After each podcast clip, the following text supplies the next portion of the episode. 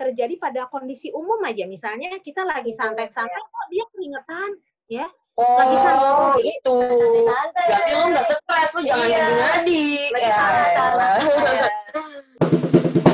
Gini Gana Podcast.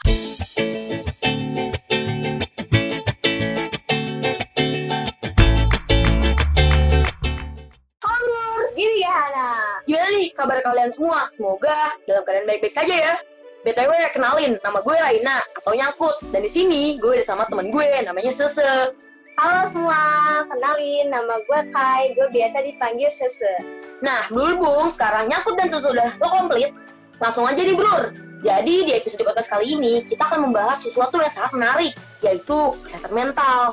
Di mana dengan adanya pandemi ini, kita itu udah sangat dibubuhi dengan berita tentang COVID, kayak di TV, di Instagram, pokoknya bikin kita stres, panik, dan khawatir banget deh. Iya tuh Rai, apalagi di masa pandemik ini, seperti yang belum semua ketahui bahwa COVID-19 merupakan salah satu penyakit menular paling berbahaya di sepanjang tahun 2020.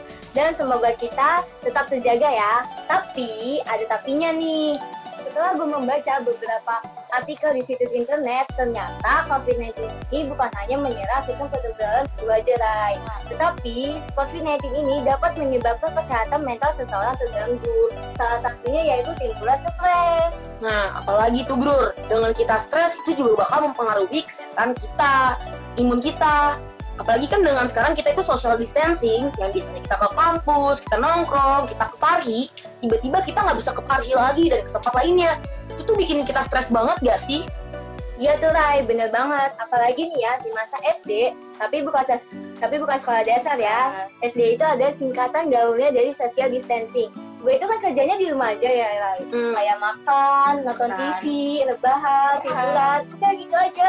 Tapi kenapa sih gue tuh ngerasa kayak kesehatan mental gue itu terganggu loh. Gue tuh ngerasa kayak setiap hari kok gue stres gitu loh. hmm, Apa karena PJJ pembelajaran jarak jauh yang gue jalanin atau Hmm. karena adanya tugas menumpuk tapi deadline itu nggak lebih dari satu hari atau karena peraturan work from home. Hmm, lu kira lu doang se? Gue juga kayak gitu bro. Makanya nih, daripada kita bingung-bingung lagi, kali ini Girigana sudah mendatangkan narasumber yang kece banget dan ahli dalam mengatasi permasalahan seperti ini. Beliau juga kebetulan merupakan dosen di salah satu fakultas kita di kampus cinta kita. Lu tahu nggak Kai? Wah siapa tuh serius banget nih, gue nggak tahu kalau ada dosen psikologi di kampus kita. Wah. Banget ya bu. Parah banget nih bro, jangan dicontoh ya. Oke deh, tanpa basi-basi lagi, kita langsung aja persilahkan Bu Rosnalisa. Assalamualaikum Bu. Halo, apa kabar? Assalamualaikum. Halo. Aduh. Saya bisa eh, berpartisipasi di acara Giri Gahana hari ini, ya. Terima kasih kesempatannya, ya. Oh, makasih. Terima kasih, Bu. Saya sebelumnya akan memperkenalkan diri. Mungkin ini kelihatannya sese malah belum tahu saya, ya. Iya, Bu. Emang, dia emang parah, Bu. Kampus kita UPN ada yang mojok sih ya, ada yang mojok di Iya, bisa. Kecamatan gitu ya. Kalau kampus kita ada dua, yang dulu biasanya saya cumin di Pondok Labu, sekarang saya harus Cinere, ya kan? Nah, Iya. memang eh, sampai saat ini ibu masih dipercaya menjadi psikolog universitas ya, jadi konselor universitas, jadi yang menangani kasus-kasus psikologis yang dirasakan baik pada mahasiswa maupun pada karyawan UPN. Ya, Hmm. ini sebenarnya kalau anda anda bisa memanfaatkan eh, fasilitas ini lumayan karena ini gratis diberikan UPN untuk fasilitas sering ya. Oh, iya, iya. Berarti kalau saya mau konseling bisa ya bu. Oh, bisa sekali ya. Eh, mungkin memang saat pandemi ini memang eh, ruang kon- konseling otomatis sedang tutup ya, tapi Hmm. UPN eh, upayakan adanya website. Baru tadi pagi saya dikontak oleh UPN untuk bisa eh, mengaktifkan website konseling universitas. Jadi tadi eh, pihak dari UPN sudah menghubungi saya agar saya mulai aktif di konseling universitas dalam websitenya. Jadi nanti bisa konseling lewat online ya. Tapi lewat canggih banget, Bu. Keren Nah, diingat pokoknya ya. sekarang. Terutama yang anak-anak UPN. bisa konseling Iya. gratis. Apa? Iya itu. Oke. Gimana? Apa yang bisa ibu bantu nih tentang eh, kegiatan Giri Gahana hari ini? Tapi Bu, eh, sebelum kita masuk ke pertanyaan, boleh nggak sih Bu, saya tanya nih sama Ibu, eh, apa aja sih kegiatan Ibu sama masa pandemik ini? Kegiatan masa pandemi karena ibu mengajar di UPN, otomatis kan ngajar tuh di UPN ya. Oh Jadi iya PJJ Kai, masa lupa sih? Kan Ya, siapa tahu aja ada kegiatan lain saya PJJ. gitu. Ah, mengajar online, kemudian setelah selesai UAS ini kegiatan yang eh, sehari-hari memang kebetulan ibu kan mempunyai biro, biro psikologi, biro Uh, ini biru. Aktif untuk melaksanakan kegiatan-kegiatan psikologi ya di antaranya asesmen psikologi pemeriksaan psikologi dari masa anak-anak remaja dewasa kemudian konseling psikologi ya. Kalau dulu memang konseling dilakukan secara offline tapi sekarang konseling tetap online. Nah nanti setelah ini ibu jam 9 lewat ibu akan melakukan konseling online pada pasien ibu nih karena kebetulannya Hmm. jadwal konsultasi selalu di atas jam 8 malam agar setelah itu pasien langsung istirahat Oh Karena iya itu- perubahan mindset ya penanaman Iya. mindset baru. jadi dilakukan selalu di atas jam 8 malam Oh, oh gitu ya Bu. Wah asik banget tuh Bu rutinitasnya. Kapan lagi Kai kita bisa membantu orang online lagi? Aduh canggih banget Tapi nih jangan pokoknya. lupa dicatat jamnya ya, di atas Iya. jam 8 kalau mau konsultasi. Hmm, gitu. tuh. Nah, terus nih Bu, eh ngomong-ngomong soal kesehatan mental nih Bu, kan benar gak sih Bu kalau di Indonesia itu sebenarnya orang-orang tuh masih nganggap kesehatan mental itu sebagai sesuatu hal yang sepele. Padahal kan sebenarnya kesehatan mental itu kan sangat penting ya Bu eh, di kehidupan kita sehari-hari. Dan juga Bu terkait dengan hal tersebut sebenarnya stres itu apa sih Bu? Apakah benar stres merupakan suatu ketidakmampuan untuk melakukan sesuatu? Eh, ibu akan menjelaskan dulu eh, bagaimana kondisi kesehatan mental di Indonesia ya Iya. secara umum eh, gambaran kesehatan mental di Indonesia memang fluktuatif. Biasanya akan diiringi oleh eh, berbagai macam peristiwa yang mendahului. Jadi selalu ada sikon-sikon ya yang mendahului kemudian baru kelihatan kesehatan mental itu. Padahal sebenarnya masalah-masalah kesehatan mental itu merupakan masalah-masalah dasar yang terjadi sejak dalam keluarga, komunikasi dan sebagainya itu menyebabkan orang punya masalah kesehatan mental. Beragam ya peningkatan-peningkatan kesehatan mental ya. Dulu di zaman Ibu masih sekolah S1 ya di tahun 80-an jelang 90-an itu kesehatan mental banyak terjadi pada orang dewasa. Tapi Hmm. ber- 2000-an kesehatan mental sudah mulai merambah kepada masa remaja. Waduh. Kemudian sekarang akhir-akhir ini kesehatan mental sudah menjangkau masa anak-anak. Kenapa? Waduh. Faktor kan.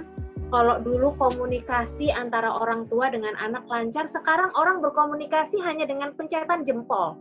Hmm, Orang- betul itu Bu.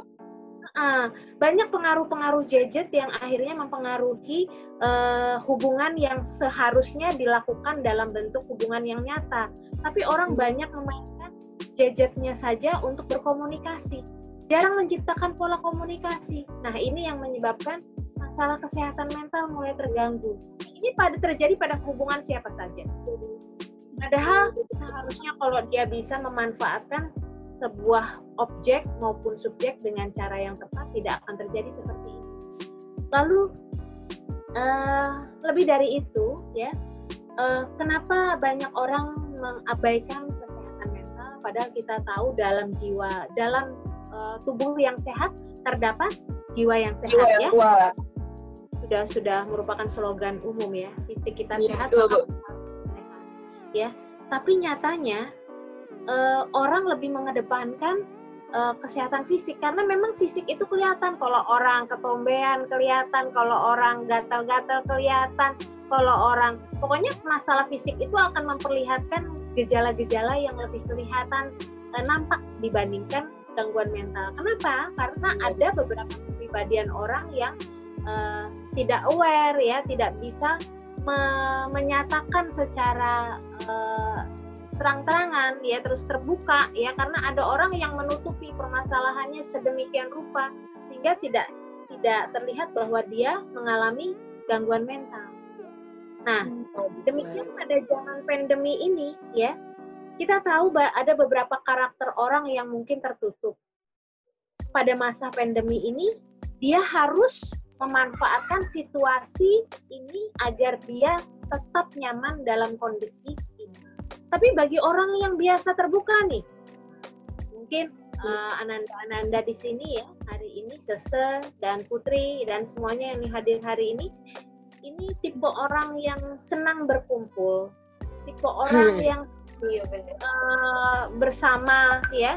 Kalau iya biasa, betul banget Pagi sudah ke kampus ya ketemu temen sudah cari lokasi kita kelas kita di mana nih sekarang sudah cek ya kan begitu kan iya. nah ini iya betul sudah nggak ada lagi sejak bulan Maret kemarin. Hmm, ya. Iya. Kangen banget Sekarang, bu. Kalaupun kita ketemu kita pakai masker. Kalaupun ah. kita ketemu kita harus social distancing. Ya. SD. Ya. Nah ini yang saya sebutkan bahwa kita me merubah sebuah pola. Ya. Merubah sebuah pola perilaku yang dulu tidak pernah ada, sekarang harus ada Nah, ini bagi orang-orang yang terbuka nih perilakunya orang-orang ekstrovert ini sesuatu yang gak enak orang di, orang biasa ngumpul kok disuruh di rumah terus. Nah, ini yeah. uh, sebuah perubahan yang cukup uh, drastis ya perubahan. Nah, kita pahami juga ya bahwa uh, tujuan kita pemerintah masuk ke kondisi new normal ini sebenarnya adalah untuk memperkuat kembali bidang ekonomi ya. Kalau kita kondisinya di rumah terus parah juga kan nggak bisa bekerja dengan baik. Mereka-mereka yang jualan kan kasihan, ya. Mereka-mereka iya, akhirnya mengalami pemutusan hubungan kerja, ya. Iya. Iya, Bu. Ekonomi kita, bangsa kita akan lumpuh lama-lama. Nah, oleh sebab itu kita harus bisa hidup dalam proses adaptasi yang baru. Proses adaptasi inilah yang merupakan syarat penting dalam kondisi saya garis bawahi dan garis merah ya bahwa kita harus melakukan proses adaptasi. Adaptasi inilah sebuah syarat penting dalam uh, masa pandemi ini supaya kita bisa uh, mental kita tetap sehat. Hmm, jadi gitu ya Bu. Nah, jadi ini Bu ternyata perilaku buat stres ini itu ada tingkatannya ya. Dari yang dulunya dewasa, terus sekarang stres itu bisa ke anak-anak, Nah, dan juga tadi kan uh, Bu Ros itu udah garis bawahi ya, kalau misalkan kita tuh harus bisa uh, masuk ke dalam proses adaptasi gitu. Tapi nih ya Bu, uh, ada nggak sih uh, ada nggak sih faktor-faktor yang dapat menyebabkan kesehatan mental seseorang itu terganggu? Lalu dampaknya itu biasanya apa aja ya Bu? Kondisi adaptasi ini ya, ini kan menuntut perubahan yang luar biasa. Apa saja yang berubah? Pola kerja kita berubah, WFH kan? yeah. sekolah kita berubah online mulu ya ada yang harus pakai TV malah ya yeah. kemudian tatanan sosial kita berubah pola kita belanja juga berubah ya konsumtifnya udah berubah ya tata perilaku pergaulan kita berubah semua nah ini tadi sudah saya jelaskan kita harus melakukan pertahanan karena kalau kita tidak bisa melakukan pertahanan uh, kita tidak bisa beradaptasi terhadap sebuah peristiwa yang baru. Ya. Faktor apa saja yang mempengaruhi kita bisa beradaptasi? Sebenarnya proses adaptasi ini adalah proses belajar. Walaupun proses belajar ini dipengaruhi dari kita kecil, tapi proses belajar ini terus-menerus karena beradaptasi ini terjadi dari kita kecil sampai kita permasalahannya adalah dalam sebuah proses adaptasi, setiap orang itu ada yang adaptasinya cepat, ada yang lambat, ada yang harus dipaksa untuk bisa adaptasi. Hmm, iya betul. Nah, ini yang jadi masalah dalam proses perilaku ya. Nah, proses perubahan, penyesuaiannya. Kalau dia cepat beradaptasi ya, faktornya nih, ya otomatis ya nggak masalah. Dia cepat dalam kondisi perubahan ini dia cepat beradaptasi. Apa yang harus dia lakukan? Walaupun dia terbuka, tapi dia berusaha mencari cara agar kondisi dia tetap nyaman walaupun dia berada dalam situasi yang harus social distancing. Dia cepat hmm. beradaptasi. orang beda-beda. Tapi ada orang yang lama beradaptasi. Nah, ini yang menyebabkan orang mengalami gangguan kesehatan mental karena dia lama Hmm, dalam ya.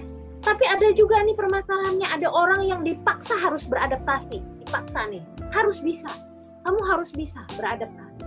Ya misalnya ya kondisi-kondisi ya berada dalam lingkungan yang memaksa dia harus bisa beradaptasi. Nah ini kan eh, berbeda.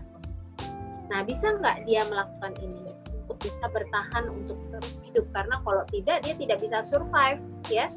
Kalau dia tidak memaksakan diri menyesuaikan menyesuaikan terhadap perubahan maka dia akan berada dalam kondisi eh, negatif ya. Dia tidak bisa tidak bisa sehat ya secara fisik dan mental sebenarnya karena kalau orang sudah mentalnya terkena lama-lama akan terkena pada fisik ya, gejala-gejala Iya, benar-benar. kita perlu pahami bahwa stres ini terjadi karena kondisi kita tidak mampu beradaptasi. Hmm, iya ya. Betul, betul. Oke. Oke deh Bu. Nah, Brul, berarti tadi kan kita udah ngebahas tuh terkait tentang definisi dan faktor-faktor. Dan juga tadi tuh terkait dengan fakta bahwa sekarang tuh anak-anak aja udah depresi. Nah, tapi Ibu, terkait dengan eh depresi, stres, mohon maaf. Nah, nah tapi nih Bu, terkait dengan stres itu sendiri, sebenarnya ada gak sih tingkatannya Bu? Dari stres paling rendah atau paling tinggi atau gimana tuh Bu? Secara umum stres itu dipengaruhi oleh faktor-faktor internal dan eksternal. Stres itu dipengaruhi oleh faktor internal dan eksternal. Bisa karena faktor kepribadian, ya, bisa karena kondisi fisik, nilai-nilai ya, yang dia anut, bagaimana dia mempelajari eh, proses adaptasi yang saya jelaskan tadi, bagaimana pola asuh, sehingga setiap orang itu pada saat dia menghadapi tuntutan, tuntutan nih, ancaman, ya, ini kan pandemi ini satu ancaman, ya, Iya. ancaman, ya. ancaman, perubahan yang drastis yang dulu tidak ada menjadi ada. Nah, eh, itu dirasakan sebagai kondisi-kondisi perubahan yang eh, yang boleh dikatakan tidak nyaman lah ya pada beberapa orang ya kalau orang cepat menyesuaikan ini tidak masalah tapi kalau orang yang lambat melakukan penyesuaian nah ini adalah masalah nah lambat laun orang itu kalau dia tidak bisa menyesuaikan tidak bisa beradaptasi maka tingkatan stres ini akan meningkat Hmm, makin meningkat. Jadi kalau misalnya ya di tahap pertama mungkin dia tidak memperlihatkan gejala-gejala yang nampak berarti ya stres Hmm. tahap pertama. Tapi lambat laun setelah dia menghadapi kondisi dan dia tidak bisa menyesuaikan ya, dan dia tidak bisa belajar dalam kondisi perubahan ini, dia berada dalam kondisi yang mungkin eh, boleh dikatakan eh, kondisi yang dalam zona ketakutan, zona ketakutan. Gimana ya? Aku nanti kalau keluar gimana ya? Iya. Ini sebenarnya sebuah kondisi bahwa dia berada dalam stres yang cukup kuat ya di atas eh, stres itu sebenarnya ada enam, enam tahap ya. Kalau dia Hmm. sudah pada ketakutan, sebenarnya dia berada pada stres tingkatan tiga ke atas. Hmm, dia harus berusaha mencari cara ya kalau orang ya yang ingin survive hidupnya dia harus belajar mencari cara untuk cepat beradaptasi terhadap. Ya. agar dia segera masuk ke zona belajar maksudnya jangan Oh, berada dalam zona ketakutan terus kalau dia Hmm. berada dalam ketakutan ini dia berada dalam stres 3, 4, 5, 6 ya kalau udah udah repot banget sudah harus masuk ICU sudah masuk ke Waduh, ICU. kalau sudah di tingkat 5 ini dia ada keinginan untuk bunuh diri. Hmm, wah parah banget. gangguan-gangguan fisik. Sakit kepala yang ekstrim ya. Kemudian tiba-tiba marah tanpa sebab. Bahasanya kasar ya dan tidak bisa mengendalikan dirinya dan ini berada pada stres Hmm, apakah terus mau begini? Kalau orang terus mau begini, dia akan beresiko untuk masuk kepada tingkat stres yang semakin parah di zona ketakutan ini. Tapi kalau dia mau terus terus survive, hidupnya stabil, kalau dia mau hidupnya stabil, dia harus masuk ke zona belajar. Di zona belajar ini dia harus beradaptasi. Beradaptasi terhadap apa? Beradaptasi terhadap perubahan semuanya ini ya. Sehingga dia tahu apa yang harus dia lakukan. Mencari cara ya. dia harus harus stop dari kebiasaan-kebiasaan buruk dia yang mungkin mengganggu cara berpikirnya. Stop membaca berita-berita buruk. Mulailah menghargai dirinya mencintai diri sendiri dulu nah setelah dia bisa masuk ke zona adaptasi dan belajar ini, maka dia akan berada ke zona bertumbuh. Nah, dia sehat kembali. Nah, di zona bertumbuh ini dia akan tahu bagaimana dia menyayangi dirinya dan orang lain. Betapa pentingnya dirinya bagi orang lain dan betapa pentingnya orang lain bagi dirinya. Dia tahu bagaimana menghargai dirinya. Nah, proses adaptasi ini akan menjadi nyaman walaupun perubahan-perubahan ini nampak kelihatannya sulit, itu tidak dirasakan lagi karena dia sudah berada pada fase adaptasi di zona bertumbuh. Kok jadi diem? Lagi berpikir bu, menyimak. Waduh, jangan-jangan kita stres juga se. jadi cius. iya gini bu, kan berhubungan dengan situasi pandemik ini ya Bu, sebenarnya hal tersebut berpengaruh nggak sih Bu terhadap peningkatan pola stres? Maksudnya kan tadi Ibu uh, udah jelasin ya, kalau hmm. misalkan tingkatan stres seorang itu kan ada 6. Nah, kira-kira ada nggak sih Bu hubungannya itu sama situasi pandemik saat ini? Iya, tadi sudah saya jelaskan kalau dia berada dalam zona ketakutan, ya, dia tidak bisa beradaptasi, maka dia berada dalam situasi stres. Ya, hmm. Ya, jadi sumber stres itu ya sumber stres itu konflik frustrasi ketakutan kecemasan panik itu sumber stres. Hmm. oleh rasa takut berlebihan itu sumber stres ya. Yeah, frustrasi berlebihan frustrasi karena nggak bisa melakukan apa-apa itu sumber stres. Jadi kalau orang mengalami stres cek dulu seberapa besar frustrasinya. Hmm, maka betul betul. Itu ya. Jadi dia harus segera belajar. Dia harus masuk dan memaksakan diri masuk ke zona belajar. Zona memperbaiki supaya dia bisa adaptif. Kalau enggak, ya dia akan berada dalam zona itu dan bisa semakin hari semakin parah. Dan hitungannya itu bisa hari demi hari dia tahu-tahu berada dalam stres tahap 6. Hmm, betul, betul. Tahap 5 dia sudah harus mendapatkan pertolongan. Hmm. Sudah harus harus terapi. Yeah. Banyak pasien-pasien ibu rata-rata yang berada pada zona ketakutan di tahap 5 ini. Waduh, udah tinggi banget tuh Bu. Iya, makanya ada keinginan bunuh diri. Nah, tapi nih Bu, kan sering kali Bu, orang yang kena stres itu justru dia tuh nggak sadar Bu kalau misalnya dia itu kena stres. Jadi kayak merasa dirinya tuh baik-baik aja. Nah, kira-kira bagaimana ya Bu cara supaya kita mengetahui uh, dan melihat ciri-ciri orang yang terkena stres, Bu? Nah, beberapa orang dengan gejala-gejala stres itu akan nampak dalam perilakunya. Hmm. Awal-awal kalau orang e, baru kelihatan dari sisi fisik saja. Tapi sebenarnya kalau yang ringan-ringan saja sih e, debar jantung ya, dia detak jantungnya tuh kok sering keringetan ya, kok aku yeah, detak yeah. jantung seperti biasa ya, kok kaki tanganku dingin ya, itu sebenarnya gejala stres awal. Ya. Hmm, waduh, serem lagi gimana ya? Aduh. Rasa itu itu sudah masih sudah merasakan eh, tahap-tahap uh, kita mau jelang stres. Itu kalau stres kayak kayak kamu kalau maju ke depan kelas aja gitu ya, ke depan kelas itu kan rada-rada uh, apa ya? Iya, deg-degan ya. gitu bu. Yeah. Ya itu itu stres tahap ringan ya Oh nah, iya. Tapi kalau kita biarkan ya dengan uh, dia punya sumber stres tertentu, kemudian kita lihat ada gejala-gejala kayak gitu, kita biarkan, dia bisa saja masuk ke stres yang tahapnya sedang. Di tahap sedang tinggi, lebih tinggi tingkatannya, ya. Yeah. Nah, orang-orang seperti ini akan akan ada kecenderungan menarik diri, nggak mau keluar rumah, ada perubahan pola makan, kadang-kadang makannya terlalu banyak atau tidak mau makan Hmm. Gejala-gejala susah tidur, ada perubahan perilaku dia ma, uh, apa ya malas berkomunikasi. Hmm. Udah marah pada hal-hal kecil sebenarnya nggak perlu marah, nggak perlu kasar bicaranya, tapi dia kasar. Hmm. Cepet capek, ya. selalu mengeluh, ya, sering merasa bersalah. Nah, ini gejala-gejala stres tahap sedang. Oh, iya, iya. Ya, dia sudah ada perubahan-perubahan ingin menarik diri lah, ya, sulit tidur. Ya.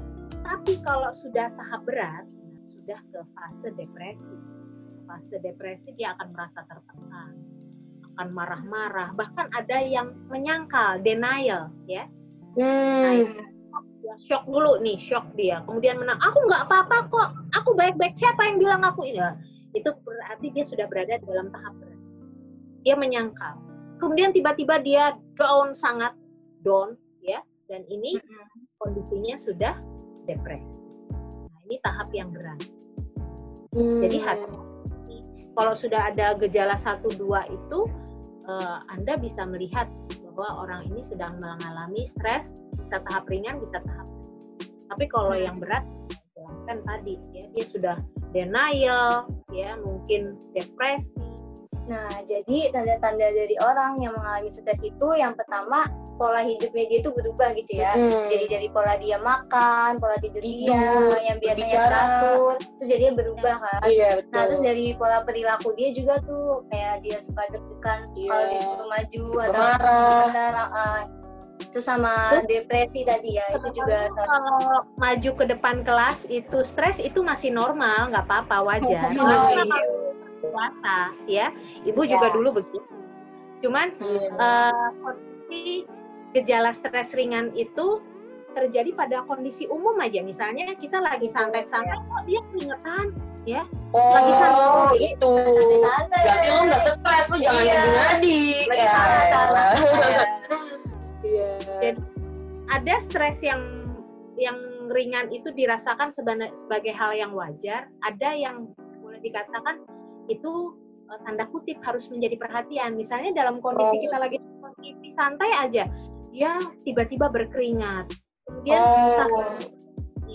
ya sebenarnya kondisinya wajar, dia sedang santai di rumah, tapi kenapa menunjukkan gejala-gejala seperti orang demam panggung gitu? Hmm, iya iya iya. Bu. Dia sudah masuk kepada stres. Hmm. Nah, Blur, kan kita udah tahu nih ya apa aja gejala dari cedera mental. Tapi nih Bu, saya masih bingung atau mungkin Blur semuanya juga bingung gimana sih Bu sebenarnya cara kita untuk mengatasi stres itu sendiri. Hmm. Betul Bu. sebenarnya eh, stres ini diupayakan dengan cara berpikir yang positif ya cara berpikir yang positif Positif. kalau dia berada dalam proses belajar dia harus memaksakan diri berada kembali dalam proses belajar sebelum dia sampai pada proses adaptasi yang normal dia harus menemukan ya orang yang bisa diajak berkomunikasi dia harus punya teman lah. orang yang tepat bisa diajak komunikasi untuk menyampaikan apa yang dia ingin sampaikan sebenarnya intinya dia bisa Nah, menerima dirinya, setelah dia bisa menerima diri kondisi dia seperti ini, dia harus berani belajar keluar dari rasa takut tadi. ya. Dia Hmm. berada dalam belajar, ya, dalam zona belajar, mulai belajar beradaptasi terhadap situasi yang baru. gitu ya. Nah, kondisi ini akan menyebabkan individu itu mengalami perubahan-perubahan cara berpikir yang baru dan bisa membuat rencana-rencana baru. Ya, rencana. Nah, rencana itu penting karena dengan adanya rencana dia mempunyai keinginan untuk masuk ke zona belajar. Hmm, iya iya. Ya, aku mau aku mau begini nih, aku mau lebih ini nih, aku mau bisa ini nih. Nah, itu kan rencana-rencana ini membangun sebuah eh, cara berpikir yang sehat. Nah, kondisi inilah yang membantu orang bisa keluar dari keadaan stres tadi. Ya. Hmm. Akan membantu dia semakin sehat. Jadi temukan orang yang bisa diajak komunikasi, bisa ke datang ke profesional, bisa juga menemukan teman sendiri, tapi temukan teman yang tepat karena tidak semua teman itu cocok dengan kita, ya kan? Mm-mm, betul banget tuh. Tapi tetap saja kita eh, harus secara internal kuat untuk keluar dari zona eh, stres ini.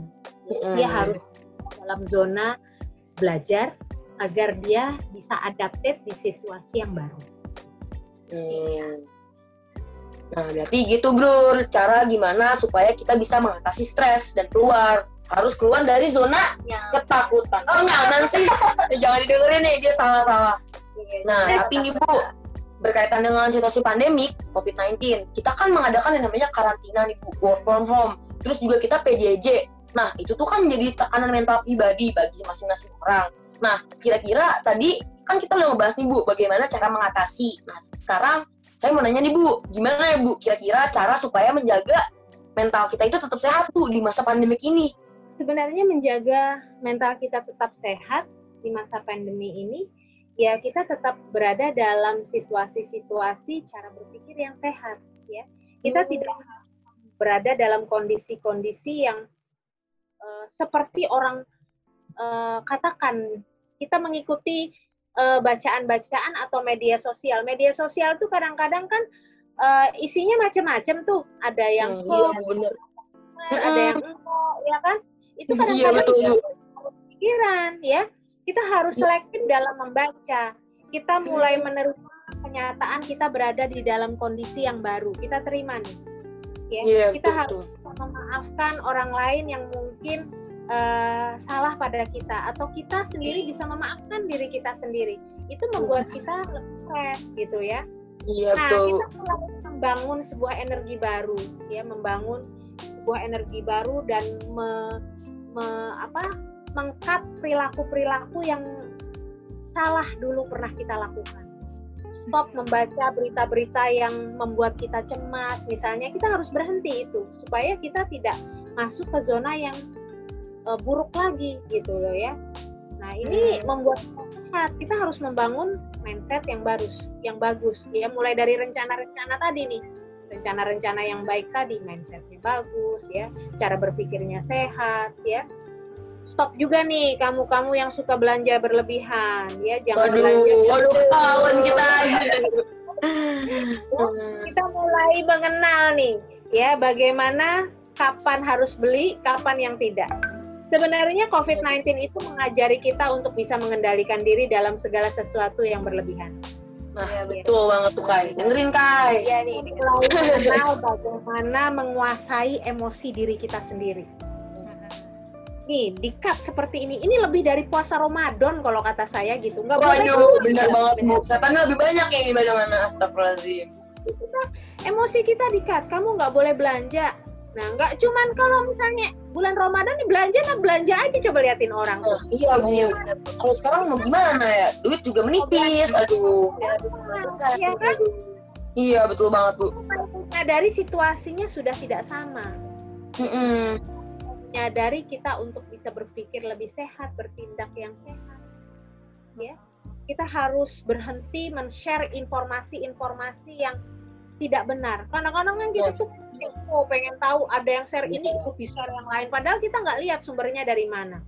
Betul banget, Ibu. Apalagi di grup WA, Bu. Aduh, itu isinya hoax semua, astagfirullahaladzim. Eh, mempengaruhi cara berpikir kita juga dan akhirnya kita tidak bisa keluar dalam kondisi yang. Terjebak. Jadi kita harus mulai sekarang mempraktekkan ya bagaimana kesabaran, mempraktekkan bagaimana menjalin relasi eh, dengan cara yang baru, menjalin relasi ya jangan terlalu sering cipika-cipiki, jalin relasi. Oh, iya, betul. Kemudian bagaimana melatih kreativitas kita ya.